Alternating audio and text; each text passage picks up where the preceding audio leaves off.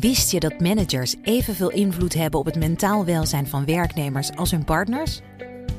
Toch voelt een derde van de managers zich niet in staat om hun team goed te ondersteunen bij mentale uitdagingen. Via het OpenUp-platform geef je jouw managers de tools die ze nodig hebben om dit wel te doen.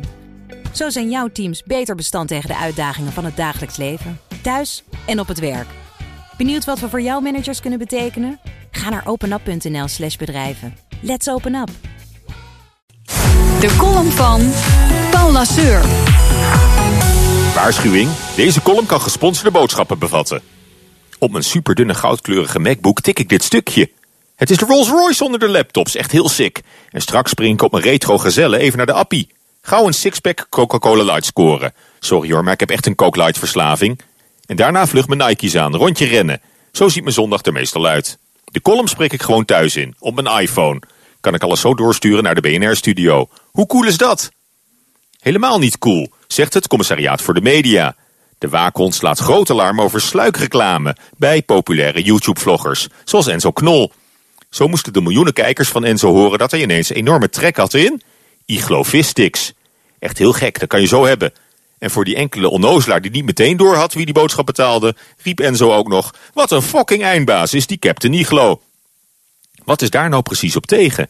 Als je toch al kijkt naar die melige diarree die YouTube-vloggers dagelijks over ons uitbraken. Goed gedaan, Enzo. Het lijkt mij nog een hele kunst om als dikbetaalde influencer producten te pluggen bij de fans en toch je geloofwaardigheid te behouden. En goed gedaan, Iglo, om zo met je merk diep door te dringen in een nieuwe doelgroep. Het tijdperk van de massamedia is voorbij. Voor adverteerders is social media de toekomst. Sportschoenenfabrikant Adidas liet ondanks weten zelfs volledig te stoppen met televisieadvertenties. Hun klanten zitten al lang niet meer achter de buis, maar op Instagram en Facebook. TV is dood.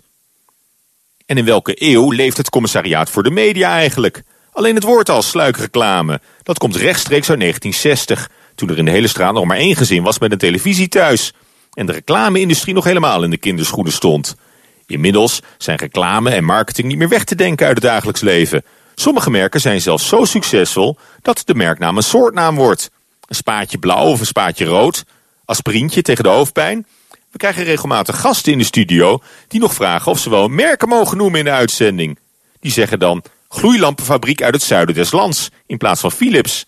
Vrijdag hoorde ik iemand op BNR praten over zijn coöperatieve bankpartner, waarmee hij de Rabobank bedoelde. Onze mediawaakhond ziet reclame nog altijd als een besmettelijke ziekte die fel moet worden bestreden. Maar jongeren zijn niet gek. Ze voelen het op een klomp aan als ze door hun helden op social media worden misleid of voor de gek gehouden. Reclame is een spiegel van de werkelijkheid. Het krampachtige achterhoedegevecht van het commissariaat tegen sluikreclame is volkomen zinloos en zielig.